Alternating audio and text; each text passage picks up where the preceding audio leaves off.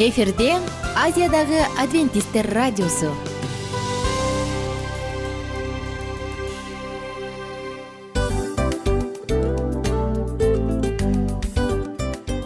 Достор салют. Баардык сүйүктүү угармандарыбызга салам айтабыз. Кутман күнүңүздөр менен. Ден соолук өмүрдүн булагы демекчи саламат саамы программасында баарыңыздарды көргөнүбүзгө абдан кубанычтабыз. Анда алгач амандашып өтөлү арбаңыздар деп. Ден соолугуңуздар кандай элибизде көбүнчө ден соолук кандай дегенде эле жакшы деп жооп беребиз э? ооруп турсак дагы жакшы дейбиз. Анан мен муну айтып ойлойт элем бул абдан сонун сөз депчи анткени бул жакшы деген үмүт да э баары жакшы болот. Баары сонун. Деп үмүттөнүп атып эле өзүбүздү өзүбүз дарылап коебуз. Анысы кандай? Сиздин дагы ден соолугуңуз жакшы беш деген үмүттөбүз чындыгында ден соолук бул өмүрдүн булагы деп бекеринен айтылган эмес деп ойлойм. Кыргыз элинде анткени эгерде ден соолук жок болсо анда адамдын жашоосунда калган баардык керектүү маңыздуу нерселер өзүнүн баалуулугун жоготуп коет. Ошондуктан ден соолук бул эң керектүү нерсе. Ооба туура айтасың кесиптешим чынында ден соолугуң жок бир эки үч күн ооруп калсаң эле кандай болуп калат? Жашоодо көз каранды болуп каласың көп нерсеге жетишпей каласың көп нерсени кыла албай каласың жада калса эшикке дүкөнгө да чыга албай каласың. Туптуура анан ден соолук болсо демек биз биздин бактыбыз тотой деп койсок болот. Анда достор саламат саамы рубрикабызды баштайлы. Алдыда өзүңүзгө керектүү болгон сонун кеңештерди уга аласыздар. Мына ошондуктан биз менен бирге болуңуздар. Ал эми биз болсо милан жана айнура. Кеттик алга. Алга саламат саама ден соолуктун жарчысы. Саламат саама ден соолуктун ачкычы. Күн сайын сиз үчүн мыкты кеңештер сонун жаңылыктар кызыктуу фактылар. Биздин рубрикада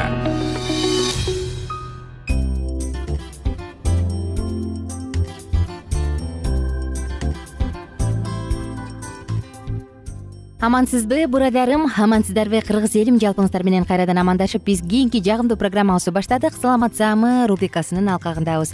Жана бүгүн сиздер менен сөз кыла тургандай эле нейра коргоочу программа жөнүндө сөз кылабыз. Мурунку уктурууда кийин эмнени айтат экенимди бир аз жарнамалагам э эсиңизде болсо. Анда биз бүгүн ушул эле программаны андан ары улантабыз. Көбүнчө адамдын жашоосунда маанилүү учурларда ии эстебей калган турбайбы такыр унутуп калыптырмын деген же болбосо жакшы эле ойлондум беле жакшы эле ушуну айтайын дегем эмне болду билбейм оюм баары бирдемек болуп калды. Деген сыяктуу учурлар кездешет эмеспи. Бул учурлардын албетте сөзсүз түрдө себеби бар. Анткени мунун себебин эмне менен түшүндүрөбүз? Бизде баш мээбиздин ушул туура сергек ой жүгүртүү тандоо жасоо бөлүмүндө бөлүгүндө десем туура болот го дейм бөлүгүндө бизде көйгөйлөр жаралат. Мына ошондуктан бул көйгөйлөр суук тийгенден туура эмес э, ага камкорлук көргөндүгүбүздөн наркотик баңги ичкилик алкоголдук ичимдиктер чылым чегүү мына булардын баардыгы ушул баш мээнин тандоо жасоочу бөлүгүнө жаман таасир тийгизгендиктен бизде ушундай көйгөйлөр жаралат. Анда достор бүгүн сиздер менен биз нейра коргоочу программанын алкагында мээни кантип коргош керек? Мына ушул жөнүндө сөз кылалы деп турабыз. Негизи биздин мээбиз бир нече абдан көп э, клеткалардан турат эмеспи алардын баардыгы тең өзгөчө коргоого муктаж. Анткени алардын баардыгы тең абдан чоң иш аткаргандыктан эң эле чоң бийик деңгээлдеги кычкылдандыруучу стресске дуушар болушат. Кошуласызбы буга? Андан тышкары андан дагы баягы жаракат алган же өлүп калган нейрондор же жабыркап калган нейрондор булар кайра калыбына келбейт. Демек аларга өзгөчө кам көрүү керек сок смозилер антиоксиданттарга бай. Булардын баардыгы тең мээни коргоочу мыкты азык болуп саналат. Ошондуктан достор биз айта турган программада өзүңүздүн мээңизге өзүңүздүн ой жүгүртүүңүзгө акылыңызга кам көрүп кетсеңиз болот. Биз айта турган программаны кайсы учурда колдонсо болот? Адам эс тутумун начарлатып жогото баштаганда көңүл буруу концентрациясы аз болуп турган учурда мээ алсырап калганда стресс жана тынчсыздануу учурунда ошондой эле депрессияда бул программаны колдонсо болот. Адамдын мээси өтө эле назик э достор билебиз аны. Анан өзгөчө кайсы бир суусундуктар бар? Анын мээни буза турган бул алкоголдук ичимдиктер. Ал эми башка дагы бир суусундуктар бар? Алар мээни тескерисинче коргойт. Биз сизге бүгүн дал ушул мээни коргоочу суусундуктар менен бөлүшүп өтөлү дедик. Бир күнгө ылайыкташылган нейра коргоочу программа. Эртең мененки таңкы тамак сизге мээнин саламаттыгы үчүн деп аталган смузини сунуштайбыз. Анын ингредиенттери сулуу сүтү ежевика кара черника клубника өндүрүлгөн буудай. Буудайдын даны финиктин кадимки эле финиктин ичиндеги жаңгак даниги деп коет эмеспизби жана грек жаңгагы. Бул мындай смузинин эки жүз он алты калории бар эки жүз элүү миллилитрде. Булардын баардыгы тең албетте интеллектуалдык жөндөмдүүлүктү көбөйтөт жана нерв системасын жакшыртат. Караңыздарчы сонун смузи оңой жана жөнөкөй. Кийинки экинчи нанүшкө же экинчи завтракка деп коебуз го таңкы тамак. Мында биз сизге алма ширесин сунуштайбыз. Алма керек сизге жана лимон ширеси. Жүз жыйырма үч калорий эки порция үчүн. Бул дагы интеллектуалдык жөндөмдүүлүктөрдүн жоготушунан кайрадан калыпка келтиргенге жардам берет жана ошондой эле альцгеймер оорусун профилактикалоодо мыкты каражат болуп саналат. Ошондой эле достор түшкү тамак түшкү тамакта калыпка келтирүүчү эс деп аталат эс тутум деп. Мында сизге манго алма жүзүм ичинде даниги жок кокос сүтү жана мята керек. Бул дагы интеллектуалдык функцияны жакшыртат жана албетте эс тутумду калыпка келтиргенге жардам берет түштөн кийинки тамактанууда жашыл энергия деп аталган смузи ичебиз. Сизге шпинат банан соя сүтү лимон ширеси керек. Мында дагы настроенияны маанайды жакшыртат дагы депрессиянын алдын алат. Жана кечки тамак. Ичебиз дагы анан жатабыз. Кечки тамакта сизге керектүү ингредиенттер. Кактус апонса кактусунун жемиши керек. Же болбосо аны инжир гуава менен алмаштырып койсоңуз болот. Лимон согу бал жана кадимки эле ичиле турган суу. Жүз он үч калорий эки жүз элүү миллилитрдин ичинде. Ошондой эле достор мээ үчүн дагы эмне пайдалуу дегенде баардык баңгизаттын түрлөрүн. Уруксат берилгенин дагы тыюу салынганын дагы алкоголь табак мунун баардыгынан баш тартуу керек. Ошондой эле чакмакташылган сахар рафинированный сахар деп коет эмеспизби? Дал ушундай сахар кошулган таттуулардын баардыгын колдонбой андан толугу менен баш тартуу. Анткени эмне себептен дегенде мындай чакмакташылган сахар же рафинированный сахар. Кандын курамындагы глюкозанын деңгээлин абдан өйдө ылдый кылып шатайтып этет ошол себептен улам бул адамга жакшы пайдалуу эмес. Ошондой эле достор татымал жасалма татымалдардан качыш керек. Бул глутамат болушу мүмкүн ар кандай приправалар болушу мүмкүн булардан качуу зарыл. Жана сөзсүз түрдө э, жетиштүү өлчөмдө уктоо булардын баардыгы биздин мээбизди эс алдырат мээбизди калыпка келтирет жанагындай өлүп калган нейрондорду коргойт жана сөзсүз түрдө эс тутумду жакшыртат азыркы күндө тилекке каршы эс тутум адамда өтө эле азайып бара жатат э. Мисалы мурунку учурларды карасаң монча адам атын билет момунча жашаган жерин баарын билет дейт азыр болсо керек болсо өзүңдүн балаңдын туулган күнүн эстей албай каласың э. Мани менен кошулат болушуңуз керек. Демек достор мындай учурда тамактанууга сөзсүз чоң көңүл бурушубуз керек. Андан тышкары андан тышкары биз эмнени каалап жатабыз? Бизге эмне керек? Дегенде эс тутум бактылуу болуш үчүн мыкты ден соолук керек дейбиз сөзсүз ошондуктан достор кошумча көнүгүүлөрдү жасаңыз мээ үчүн жаңы тилдерди үйрөнүңүз китеп көп окуңуз адамдар менен баарлашыңыз мээни атайын машыктырып ар кандай нерселерди жаттап алыңыз. Кээде апалар бар карап отуруп абдан баа бересиң алар баягы баласынын атын номурун аты жөнүн жашаган жерин небересиникин баарын жаттап алат. А кээ бир апалар бар ии эс тутум болбой калды кардым депчи. Көрсө эс тутум карылыктан эле начарлабайт ал туура эмес тамактангандыктан туура эмес сергек жашоо образын сактабагандыктан келип чыгат экен. Кийинки уктуруубузда дагы кызыктуу теманы бирге талкуулайбыз ошондуктан бизден алыстабаңыздар а мен болсо жалпыңыздарга мыкты эс тутум каалайм өзгөчө таарынганда унутуп калган ал эми кубангандарды эстеп кала турган мыкты эс тутумду каалайм күнүңүздөр көңүлдүү улансын достор бар болуңуздар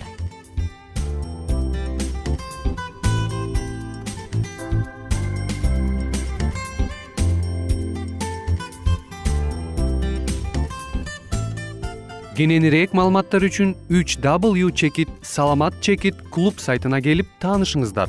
Жана андан тышкары социалдык тармактарда youtube facebook жана instagram баракчаларына катталыңыз.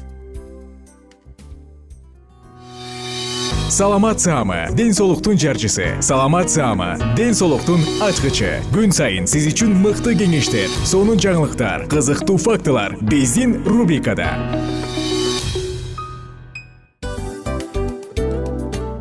салам достор. Кайрадан биздин сүйүктүү рубрикабызга кош келиңиздер деп айтмакчыбыз.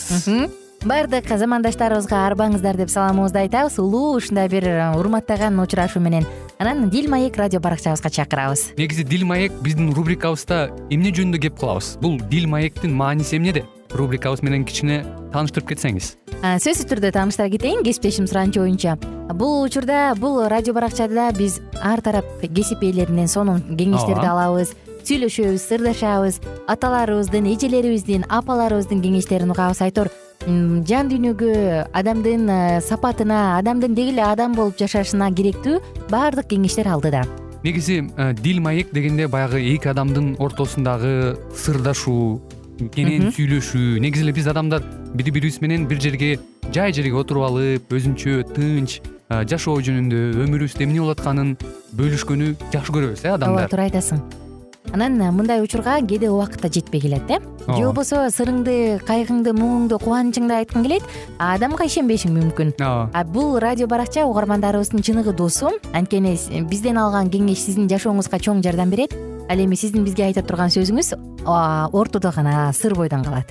Ошондуктан биздин дил маек рубрикабызга дагы бир жолу кош келиңиздер. Жана биз даярдаган маалыматтарга даяр болуңуздар. Айнура жана милан сиздер менен бирге алдыга кеттик ар түрдүү ардактуу кесип ээлеринен алтын сөздөр жүрөк ачышкан сыр чачышкан сонун маек дил маек рубрикасында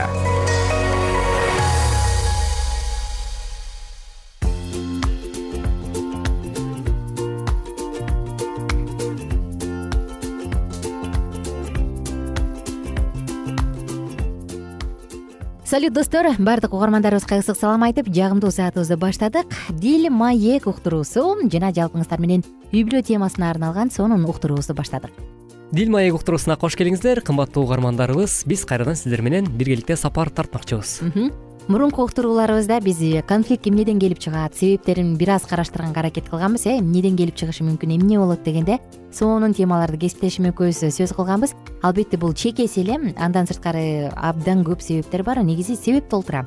Ал эми бүгүн болсо биз э, ушул конфликттерди кантип чечиш керек? Мына конфликт жаралды Э, курчудуу маселе э от мына мына быдаң деген бомба жарылайын деп турат. Эми ушул бомбаны жардыртпай кантип э, толеранттуулук менен чечип калыш керек? Кел ушул жөнүндө сөз кылбайлыбы ооба чындап эле жогоруда кесиптешим айтып өткөндөй чындап эле ар бир э, ушул конфликт болгон учурда үй бүлө жаатындабы деги эле кайсыл гана тармак болбосун ошол учурларда биз кантип мындай маданияттуу жол менен ошол нерседен мындай өтө алабыз же болбосо ошол көйгөйлөрдү чече алабыз ушул туурасында азыр кеп козгойбуз анан конфликт дегенде эле биз үй бүлөдөгү маселени айтып атабыз э. Бул ата эне дагы эмес жубайлардын ортосундагы конфликт.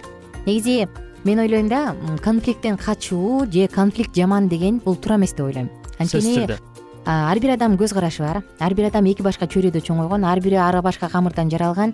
Ар бир адам эки эле таптакыр чоочун адам келип туруп бир түтүн булатканда албетте ай биздин үйдө деген апам чай койчу десе а биздин үйдө атам өзү эле куюп алчу деген сыяктуу маселелер жаралат э? Мунун баары конфликтти туудурат ошондуктан жок конфликт жаман урушпаш керек дегенде мен алысмын болгону урушканды билиш керек деп айткым келет да?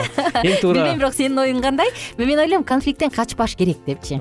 Туптуура айттың сен мындайча айтканда баягы таамай айттың десем болот да. Негизи эле көп учурда адамдар ушинтип ойлонот экенбиз тилекке каршы могу орто азия өлкөлөрүндө жашаган ушул чөлкөмдө аймакта жашаган элдер көбүнчө ушундай биздин маданиятыбыз э, бир башкача болгондуктан мындай конфликттен көбүнчө качканга эле аракеттене беришет экен да.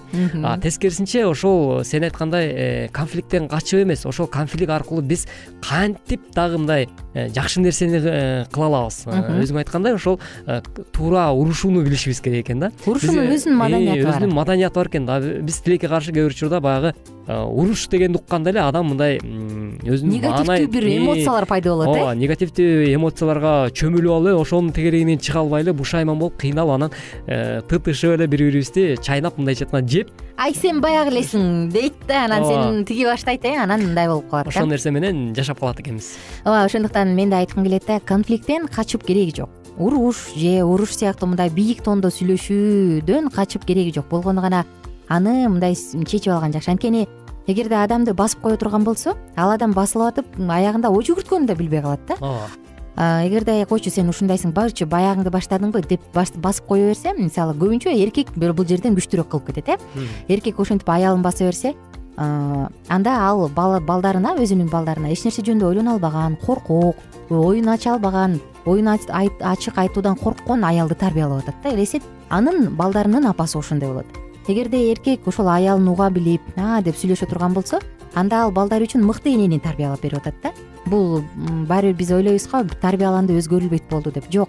Жашоодо байкап тилекке каршы жаман жакка өзгөрүп калган айымдарды көрөсүң басылып таптакыр оюн айта албай калган же тескерисинче жолдошунун акылмандуулугу менен ачылган чачылган өркүндөгөн айымдарды көрөсүң да анысы кандай? Бул конфликтке мамиле бул сиздин түгөйүңүздүн андан аркы жашоосун аныктайт экен. Сөзсүз түрдө жогоруда өзүң айтып өткөндөй эле кесиптеш ушул кээ бир учурларда баягы үй бүлөдө э, биз азыр э, үй бүлө туурасында сүйлөшүп аткандыктан мисалы эркек адам көбүнчө баягы жубайын басынтып эле анын инсандыгына тийип эле сен ушундайсың сен деги эле оңолбос болдуң го анан сен жүдөсүң какап чакап жүрөсүң деген сыяктуу сөздөрдү айта бергенде адам сөзсүз түрдө чүнчүп ошонун артынан анан стресске кабылып стресстен улам анан мындай анын натыйжасы баягы трагедия менен аяктай экен да мисалы алыска барбай эле мен э, атын атабай эле коеюн бирок атты аттуу баштуу эле э, белгилүү болгон эле бир э, жакын өзүмдүн бир досторум тааныш ал ушунчалык бардар үй бүлөдө чоңойгон анан бардар жакка дагы турмушка чыккан да ошол айым менен биз өзүнчө баягы маек кылып калганда акыркы учурда өзүнүн баягы көйгөйлөрүн айтты да. Менин үй бүлөмдө баардыгы бар дейт. Байлык десең байлык мисалы машина десең алдыңда машина акча карата эч кандай мындай көйгөй эмес дейт да. Бүт баары бирок мага бир гана нерсе жетишпейт. Менин жолдошумдун колдоосу менен анын мындай э, жемелөөсүнүн артынан дейт. Э, ушунчалык акыркы убакытта уже мындай ажырашууга алып келди дейт да. Ошентип отуруп биздин жашообуз мындайча айтканда э, түтүн буланбай калды дейт. Үй бүлөлүк очок жанбай калды дагы анан биз акырында чечимге келдим дейт. Мен бул адам менен түбөлүк жашай албайм андан көрө мен ажырашканым жакшы деп анан ошентип ажырашып тындык деп мындай трагедияны айтты да анан чындап эле ошол үй бүлөнүн мындай жашоосун карап отуруп карап турсаң сырттан караган адамга ушунчалык бактылуу үй бүлө деп көрүнүшү мүмкүн. А бирок э, чын чынына мындай анын ичине жан дүйнөсүнө киргенде мындай ушунчалык э, трагедия камтылганын көргөндө көзүңө жаш аласың да. анын жолдошу баягы түшүнбөгөндүктөн айтышы мүмкүн. Эмне акча бар үй бар машинаң турат сага дагы эмне керек? Деп э ойлойт да. Бирок мен жогоруда айтпадым белем бакыт үчүн бул деле маанилүү эмес экен депчи адамдын өзүнүн бактылуу сезиши үчүн эндорфин гормонду көбүрөөк иштетип чыгарып бериш керек экен да. Анан ал адам айым ушул ушундай десе койчу сен каягыны баягы үч бурчтук суроолоруңду бербей деп айтышы мүмкүн да. Абдан сонун нерсени айта кеттиң.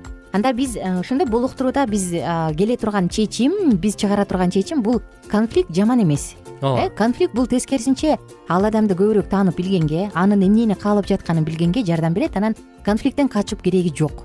Биз ушул нерсе ушул бүтүмгө келдик. Жогоруда себептерин санашпадык белек э күтүүлөр акчанын жетишсиздиги кайын журттун кийлигишүүсү деп ушунун баарын эле негизинде маселе жаралып э, сүйлөмдөр айтыла баштаганда качып кетпестен ал адамды угуп аны туура чечүүгө аракет кылышыбыз керек экен. Жакшы. Эх убакыт убакыт учкан куш э, саатыбыздын соңку мүнөттөрүнө келип калдык. Секундтарына. Ошондуктан сиздер менен убактылуу гана коштошобуз.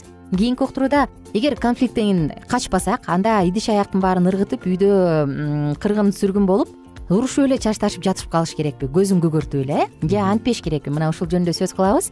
Анда кийинки уктуруудан жалпыңыздар менен амандашканча деп коштошом. Улан мырза коштошуп алыңыз. Ооба кызыктын баары алдыда урматтуу угармандар эмки уктуруудан үн алышканча амандыкта туруңуз.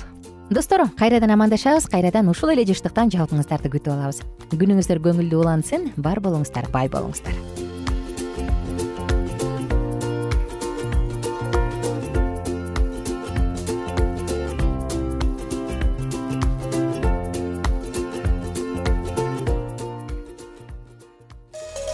ар түрдүү ардактуу кесип ээлеринен. Алтын сөздөр жүрөк ачышкан сыр чачышкан сонун маек. Дил маек рубрикасында.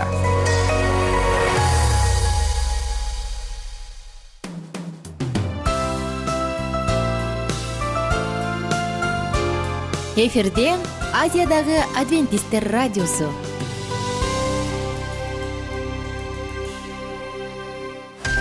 жан дүйнөңдү байыткан жүрөгүңдү азыктанткан жашооңо маңыз тартуулаган жан азык рубрикасы.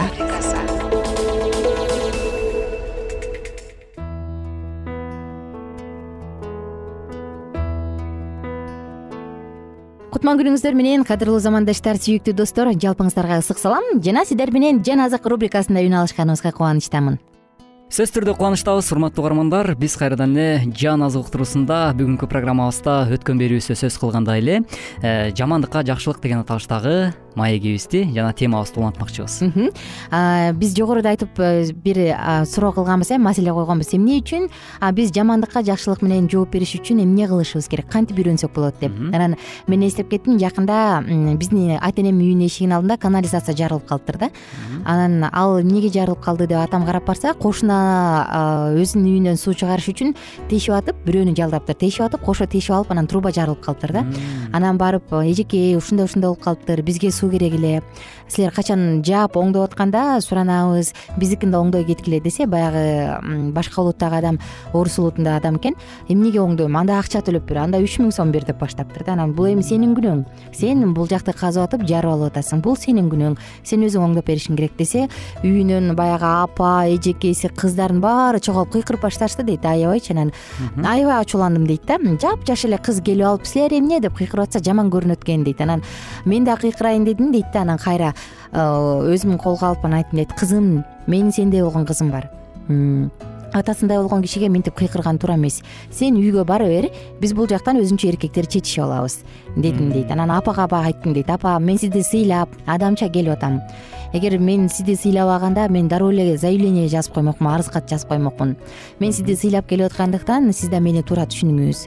Эгерде силер бул жака тийбегенде анда эч нерсе болбойт болчу деп анан баласы чыкты дейт кыйкырып өкүрүп кааласаң заявление жаз кааласаң сотко бер мен эч нерседен коркпойм деп дейт. Анан ага айттым дейт. Мынтип айтыш оңой эле бирок сен туура эмес кылып атасың менин сендей болгон балам бар анда кел анда баардыгын кайра ордуна коюп кой. Мага силерден да эч нерсе кереги жок мага да эч нерсе кереги жок. Анда баары ошол ойдон калсын десек жокму бизге суу керек дейт дейт. Анан көрдүңбү бизге да суу керек деп ушинтип сүйлөшүп анан аябай ачуум келгенде мейличи деп кетип калгам дейт. Анан кичинекей кесим шланги алып барып анда кел мен өзүм оңдоп алайын деп оңдодум дейт да. Анан кечинде тиги апа келиптир дейт кечирим сурапчы.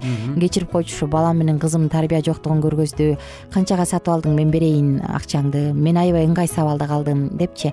Анысы кандай кээде ушундай учурларда биз өзүбүзгө душман жасап алабыз э? Ооба. Бир аз эле эмоцияга алдырабыз бир аз эле эмне болмок эле дейбиз бир аз эле оюбузду контролдобой калган учурда дароо эле мындай вспышка деп коет го атылып кетет да эмоцияларыбыз анан душман күтүп алабыз ооба туптуура айтасың. Э, чындап эле кандай гана учур болбосун баягы жамандыкка жакшылык менен жооп кайтарганга ар бирибиз умтула турган болсок анда бул мыкты жемишин берет эмеспи тилекке каршы бүгүнкү күндө андай учурлар э, кээде болбой калат. Э, жогоруда биз программабызда буга чейин айтып өткөндөй эле баягы беш кол тең эмес дегендей эле албетте ар түрдүү ойлор ар түрдүү адамдардын баягы мүнөзүнө дагы жараша болот эмеспи анан улан мен ойлоп атам да биз жамандыкка жакшылык менен жооп бергенде кантип үйрөнөбүз дегенде мен ойлойм ар бир балага үлгү керек деп э биз жана жогоруда айтпадым белең мурунку уктурууда тарбия депчи үлгү керек деп. Сен авторитет туткан сен бийик туткан сен кумир туткан бир инсандын сага көрсөтө турган бир үлгүсү керек да. Эгерде мындай эле көчөдөгү же сен сыйлабаган адам болобу же эми сыйлабаган десем туура эмес го дейм. Сен үчүн авторитет болбогон адам ошол нерсени кылса а кылыптыр деп кабыл алып коет. А качан сен кумир туткан адам ошону кылса о дейсиң дагы сен аны туурагың келет э? Бул эми биз жок дегени менен бул биздин жашообуз анан мен ойлойм да биз кимди кумир тутуп кимге көбүрөөк окшошкубуз келет кимден үлгү алгыбыз келет бул дагы абдан маанилүү го дейм да. Мисалы мен ушул жөнүндө ойлонуп атып ыйса машаяктын жашоосун эстеп кеттим да. Канчалык анын бетине чаап канча канча урушпасын канча ур токмок албасын кандай гана жаман сөздөрдү айтпасын бирок ал баары бир адамдарды сүйүп жакшылык менен кылган жакшылык менен жооп берип келген да. Эгерде биздин туткан идеалыбыз ушундай бийик боло турган болсо мен ойлойм биз аны туурап андан кубаныч алабыз деп. Сөзсүз түрдө. Өзүң жогоруда айткандай эле ошол айтылуу улуу пайгамбар улуу ойчул десек болот өз доорунда көптөгөн мисалы бүгүнкү күндө окумуштуулар керек болсо конфуций дагы мойнуна алган экен да. Сен жогоруда айткандай эле э, иса машаяк бул мисалы дүйнөнү наполеон да өзү мойнуна алып туруп айткан экен. Э, машаяк бир гана ушул сүйүү менен дүйнөнү мындай багындырды багындырды депчи. Ал эми э, биз болсо мындай курал жарак менен күч менен багындыра турган болсок машаяк бүт дүйнөнү э, ошол сүйүү менен. Бул нерседен биз жыйынтык чыгарсак болот экен. Демек э, бир гана жамандыкка сен жакшылык менен жооп кайтара турган болсоң анда албетте демек бул сүйүү. Сүйүү ооба туп туура чын эле эгерде сүйүү жок болсо анда сага жакшылык кылып атса да жамандык кыласың э кыянаттык кыласың кээде бир адамдар барго же кичинекей балдар э жакшы эле нерсе кылайын десең кычаалданып туруп тескери кылат го ого берчи ал сыяктуу эми алго бала макул балалык кылып атат.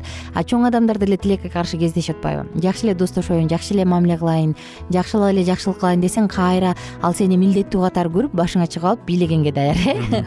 Ооба. Чындыгында бул нерсе жашоодо болот ооба сөзсүз түрдө мунун баардыгы мыйзам ченемдүү көрүнүш болуш керек. Ал эми э, биз дагы ушул баягы жан дүйнөбүздү руханий жактан байыталы деген э, теманын алкагында кеп кылып жаткандыктан улам мен дагы ыйык жазуунун негизинде бир аятка токтолгум келип атат да. Мисалы өз учурунда ошол өзүнүн доорунда жашап өткөн атак даңктуу десек дагы болот. Мен учакта жаңылышпайм. Элчи павыл деген э, адам болгон экен.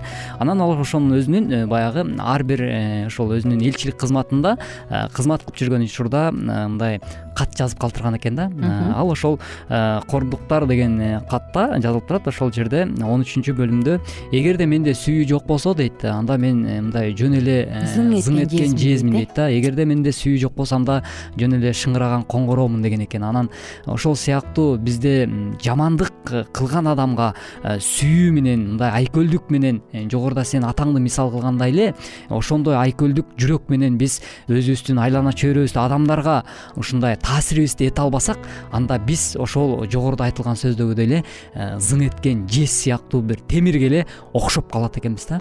Ошондуктан мен айткым келет ардактуу угармандар э, баардыгыбыз мындай жашообузда кандай жашап жатабыз жана кантип башкалар менен э, айлана чөйрөбүздө мындай карым катнашта э мамиледе кандай мамиле кылып жатабыз? Эгерде сага жамандык кылган адамга кандай сен кайра жооп кайтарып жатасың ушул жөнүндө мындай олуттуу ойлонгонубуз абдан маанилүү экен да? Туура айтасың. Э, убактыбыз да соңуна чыгып калды. Кийинки уктуруубузда ушул теманын алкагында дагы сөз кылабыз. Ал эми ага чейин достор жалпыңыздар менен амандашканча сак саламатта туруңуздар. Улан анда жакшы туралы албетте урматтуу угармандар эмки уктуруудан көрүшкөнчө кайыр.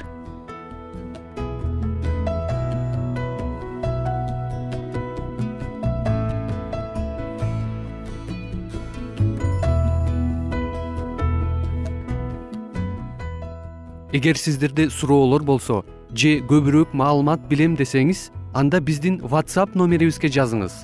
Плюс бир үч жүз бир жети жүз алтымыш алтымыш жетимиш кайрадан плюс бир үч жүз бир жети жүз алтымыш алтымыш жетимиш.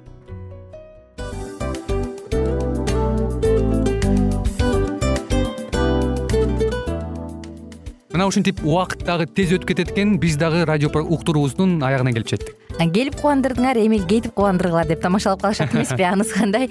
Радио баракчабызды программабызды азыр эле баштап аткандай болдук элек мына соңуна келдик э? Негизи убакыт э, билинбей өтүп кетет экен мен дагы э, убакыт дегенде бүгүн бир адам менен сүйлөшүп калдым. Анан убакыт бул мүмкүнчүлүк деп айтып өзүмө өзүм айтып алып анан мага өзүмө эле кайра ачылыш болду да чын эле. Э, карап отурсаң ошол эле жыйырма төрт саат ошол эле жарым саат кайталанып атат. Бирок сендеги мүмкүнчүлүк жок ошол кой берилип кетти? Анысы кандай? Бүгүнкү сонун убактыңызды алтындай болгон жарым саатыңызды бизге бөлүп арнаганыңыз үчүн ыраазычылык айтабыз. Анан жашооңуздун кайсы бир сферасын өзгөртө турган сонун пайдалуу кеңеш алган болсоңуз анда биз максатыбызга жеттик.